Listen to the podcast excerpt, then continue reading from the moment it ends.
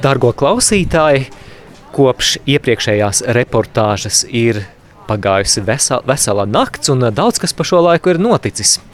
Mēs šobrīd esam Līksnā un Esam nakņoši Līksnes kultūras namā un esmu aicinājis uz sarunu arī Līksnes kultūras nama direktori Sintiju Ģipteri. Labrīt! Labrīt! Vispirms es apsveicu tevi kā līksnieti ar jūsu futbola komandas uzvaru vakardienas futbola čempionātā. Kādas sajūtas ir, ir lepnums par savējiem? Ja godīgi, es pat līdz pēdējai minūtē nezināju, kurš galu galā uzvarēs. Jo es jau tā kā biju ar tādu cerību, kad, nu, ka būs uzvarēs tomēr draudzība.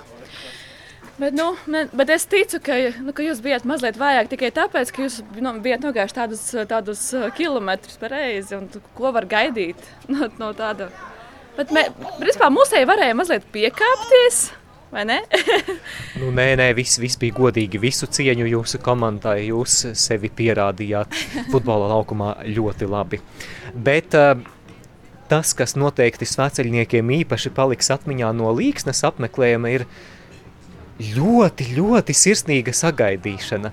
Kad mēs pārcēlāmies ar laivām pāri Daugavai, Mēs tikām sagaidīti ar dziesmām, un akordeona pavadījums, un debesis manna, un tad vakarā arī šeit ugunskurs, un jā, desiņas bija. Vai tas ir eh, līksniešiem raksturīgs būt viesmīlīgiem? Uh, pavisam noteikti, jā, jo mēs vienmēr visus ciemiņus sagaidām. Uh, gan viņus pāēdinām, gan kaut kā iepriecinām, gan arī sklaidējam, kā jūs vakar redzējāt. Un, uh, tagad arī drīzumā nāks pie mums arī Bruknes svēceļnieki. Mums arī jau ir atkal idejas, kā, to, kā, kā viņus sagaidīt. Tāpēc uh, mums ideja netrūkst. Un arī labu cilvēku, kas arī gatavo garšīgu ēdienu. Kā jūs sakat, redzējāt arī debesmanu un panku, kas bija arī ļoti garšīgas. Ļoti garšīgas.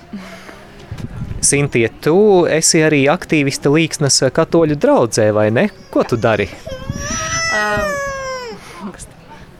Eh, es esmu organizējis vairākus sveceļojumus no Līksnes uz Aglo, un tad arī es uh, iesaistos arī dažādu jauniešu pasākumu organizēšanā. Arī svētdienas skolas notiek pie mums Līksnā. Būs arī šogad otro reizi. Um, nu, principā tā, ko organizēju pasākumus, lai draudze būtu tāda dzīva, lai viss notiek. Jā. Kā ir ar jauniešiem? Vai jauniešiem ir interese par baznīcu līksnā, vai varētu būt labāk?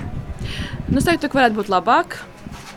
Nu, bet, es, bet nu, tas ir pierādījies ar to, ka ar visiem šiem pasākumiem, kas ir notikuši pie mums Līksnā, jaunieši atkal atgūst interesi par baznīcu kā tādu un uh, iesaistās gan muzikālajā kalpojumā, gan arī, gan arī tieši pasākumos ir ļoti aktīvi brīvprātīgie. Starp citu, jums ir ļoti, ļoti skaista baznīca. Un uh, tik interesanti, ka tā ir redzama no tik daudzām vietām, gan Sēlijas pusē, gan šeit Latgalē. Bet uh, vēlos arī jautāt tev kā līksnietē, kā ir dzīvot līksnā? Es patiešām lepojos ar savu pagastu, jo Tad tiešām gan arī tā visa infrastruktūra, gan arī daba, gan arī cilvēki ir ļoti, ļoti tādi atsaucīgi un laipni. Un tiešām es es tiešām ļoti, ļoti lepojos būt līkstiete. Jā, eh, prieks to, to dzirdēt. Un šogad uh, līksnieši pievienojas mūsu grupai, vai ne? Tad uh, līksnes draudzes šogad nerīko savu svētceļojumu. Diemžēl nē. Uh, tas tomēr prasa ļoti daudz uh, gan, gan resursu, gan arī cilvēku, gan arī principā tas ir tāds ļoti liels pasākums, kurā ir jā, jāiegulda ļoti daudz darba.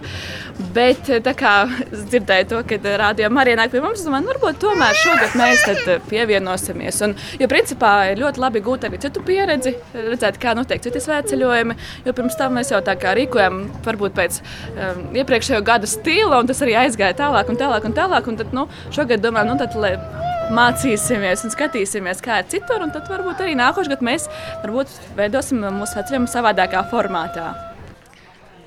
Kā ir ar kultūras dzīvi Līksnā? Tu strādā Līksnas kultūras namā. Kādi pasākumi šeit notiek? Pie mums Līksnā notiek dažād, dažādākie pasākumi. Arī, teiksim, arī Latgalē lieli pasākumi, piemēram, mūzikas skritulis, kas eh, notiek ik caur gadu pie mums Līksnā. Un arī būs nākošais gads. Tāpat arī notiek dažādas glezno izstādes, arī dažādas kolekciju izstādes. Un, un es mums arī bija ļoti slavena porcelāna izstādes, kuru brauca gan no Rīgas, no arī no tālākām vietām. Jo tiešām mums bija vietējie savākuši diezgan daudz visnedažādākos porcelāna traukus. Nu tā. Pastāsti lūdzu par mūzikas skrituli, vai tas ir kāds Latgales mūzikas festivāls?